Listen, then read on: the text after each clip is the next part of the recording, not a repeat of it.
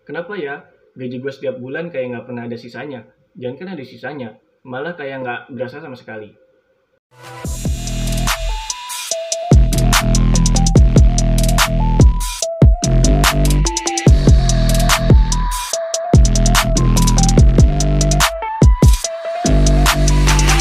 Hai semuanya, bertemu lagi sama gue Jisal Fikri. Di bersuara kali ini, gue mau sedikit ngasih tips gimana caranya untuk ngatur gaji yang kita punya. Tentunya video ini ditujukan untuk kalian para karyawan yang mempunyai gaji UMR setiap bulannya ya. Buat kalian yang mempunyai penghasilan lebih dari UMR setiap bulannya, atau bahkan ada teman-teman yang penghasilan tiap bulannya nggak nentu, kalian bisa menyesuaikan aja ya, atau mungkin bisa menggunakan metode lain yang sesuai dengan penghasilan kalian. Untuk saat ini, gue mau berbagi tips buat kalian yang mempunyai penghasilan UMR setiap bulannya tapi masih suka resah karena gaji yang kalian punya itu selalu habis gitu aja dan nggak tahu ngalirnya ke mana. Gue kutip ya, untuk kalian yang resah gajinya selalu habis dan nggak tahu buat apa, bukan untuk kalian yang nyaman dengan gaji yang selalu habis dan nggak tahu buat apa aja. Karena gue tahu, setiap orang itu pasti memiliki tujuan yang berbeda dalam hidupnya. Ada yang sedang berusaha berkembang lalu memutuskan untuk keluar dari zona nyamannya, ada juga yang tetap memilih berada di zona nyamannya. Jadi, pengalaman gue, masih ada orang-orang yang santai dengan gajinya yang selalu habis tanpa sisa dan nggak tahu ke mana. Jujur, gue bukan seorang pakar keuangan atau bahkan ahli di bidang finance. Ini juga sebuah keresahan gue pribadi yang gue coba aplikasikan ke dalam sebuah video. Dan video ini juga terinspirasi dari videonya Agus Leo Halim yang berjudul Cara Mengatur Uang Untuk Kaya.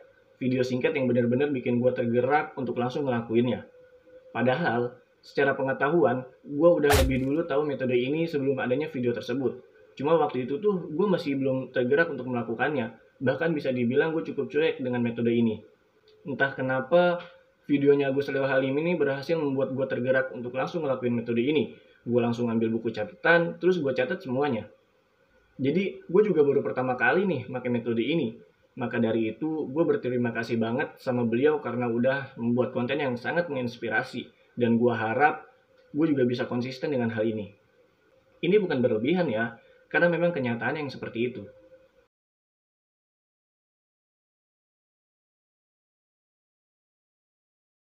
Tapi pasti masih ada beberapa yang cuek. Metode ini adalah 50-30-20 budget Jadi di metode ini yakin tuh, kalian juga udah mengatur kita punya pengeluaran. Yang di mana setiap pengeluaran kita itu harus mempunyai tiga jalur yaitu 50% untuk kebutuhan, 30% untuk keinginan, dan 20% untuk tabungan. Di sini gue asumsikan gaji kita itu 4 juta. Kenapa 4 juta? Kenapa nggak 5 juta aja? Karena menurut gue, memang rata-rata penghasilan UMR itu 5 juta. Tapi masih ada beberapa di antara kita yang mempunyai UMR 4 juta karena perbedaan pendidikan dan jabatan. Let's say kita punya 4 juta tiap bulan. Poinnya, kalian harus tertanam dulu di otak kalian berapa jumlah 50%, 30%, 20% dari 4 juta tersebut. Tujuannya agar pikiran kita terbuka untuk segera mencatat dan mengkalkulasikan semua pengeluaran kita. 50% dari 4 juta itu 2 juta, 30% itu 1,2 juta, dan 20% itu 800 ribu. Dari situ, kalian harus mulai mencatat semua yang berkaitan dengan yang namanya kebutuhan dan keinginan kalian. Gimana dengan tabungan? Menurut gua, tabungan itu bisa dibilang paling gampang, tapi juga bisa dibilang paling sulit. Karena tabungan ini bisa dibagi menjadi dua pilihan, yaitu sebagai tabungan atau investasi. Tinggal kalian tentuin aja di mana prioritas kalian saat ini. Kalau prioritas kalian saat ini sedang menabung untuk dana darurat, kalian bisa memilih instrumen investasi dengan risiko terendah, seperti reksadana pasar uang contohnya. Loh, kok kita nabung tapi investasi-investasi juga? Sederhananya gini, supaya uang tabungan kita itu nggak tergerus dengan nilai inflasi yang terus bertambah setiap tahunnya. Untuk kalian yang saat ini prioritasnya investasi, gue saranin kalian jangan coba-coba untuk hal ini. Penting buat kalian untuk mempelajari terlebih dahulu instrumen investasi apa yang ingin kalian lakukan. Nah, itu kan kalau perkara tabungan. Gimana kalau kebutuhan dan keinginan? Seringkali kita masih mempunyai masalah di sini, di mana kita tidak bisa membedakan apa saja itu kebutuhan, apa saja itu keinginan. Kebutuhan itu adalah segala sesuatu yang dibutuhkan manusia untuk mempertahankan kelangsungan hidupnya secara alamiah melalui pencapaian kesejahteraan. Sedangkan keinginan adalah segala kebutuhan lebih terhadap barang ataupun jasa yang ingin dipenuhi setiap manusia pada sesuatu hal yang dianggap kurang. Intinya, kebutuhan itu adalah sesuatu hal yang nggak bisa kalian lewatin dalam hidup. Dan keinginan adalah sesuatu hal yang kalau kalian lewatin itu sebenarnya nggak akan kenapa-kenapa. Jadi poinnya adalah Dalam menentukan kebutuhan atau keinginan, kalian harus benar-benar bisa realistis membedakannya. Mana yang benar-benar kebutuhan, mana yang cuma sekedar keinginan.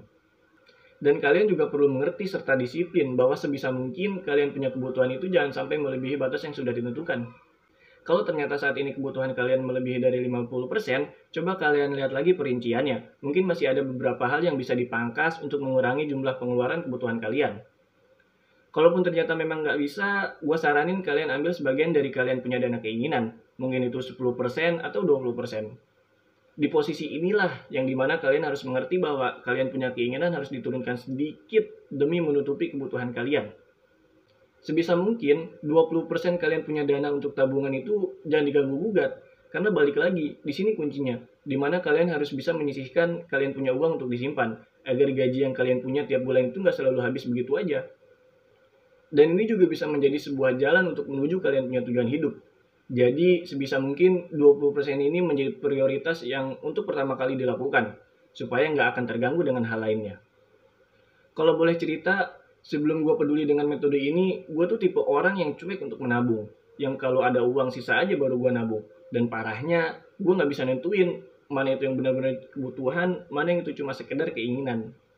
Alhasil, uang tuh jadi keluar gitu aja giliran mau nabung eh malah habis duluan dari situ gue berpikir gue nggak bisa nih terus-terusan begini kalau gue masih cuek sama pengeluaran gue yang ada malah gue nggak akan pernah mencapai tujuan hidup gue jadi gue rasa gue harus bisa memperbaiki sistem pengeluaran gue di video ini adalah hanya sebuah kerangka dari metode 50, 30, 20 budget rules yang diharapkan bisa membuka kita punya wawasan dan pola pikir Sisanya silahkan kalian isi semua kerangka tersebut sesuai dengan catatan pengeluaran kalian ya.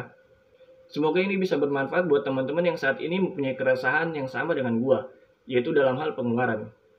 Cukup sekian dulu ya video kali ini. Semoga bermanfaat dan pastikan nggak hanya kalian aja yang dapat manfaatnya. Jadi share juga ya ke teman-teman kalian. Gua Jisal Fikri pamit. Terima kasih.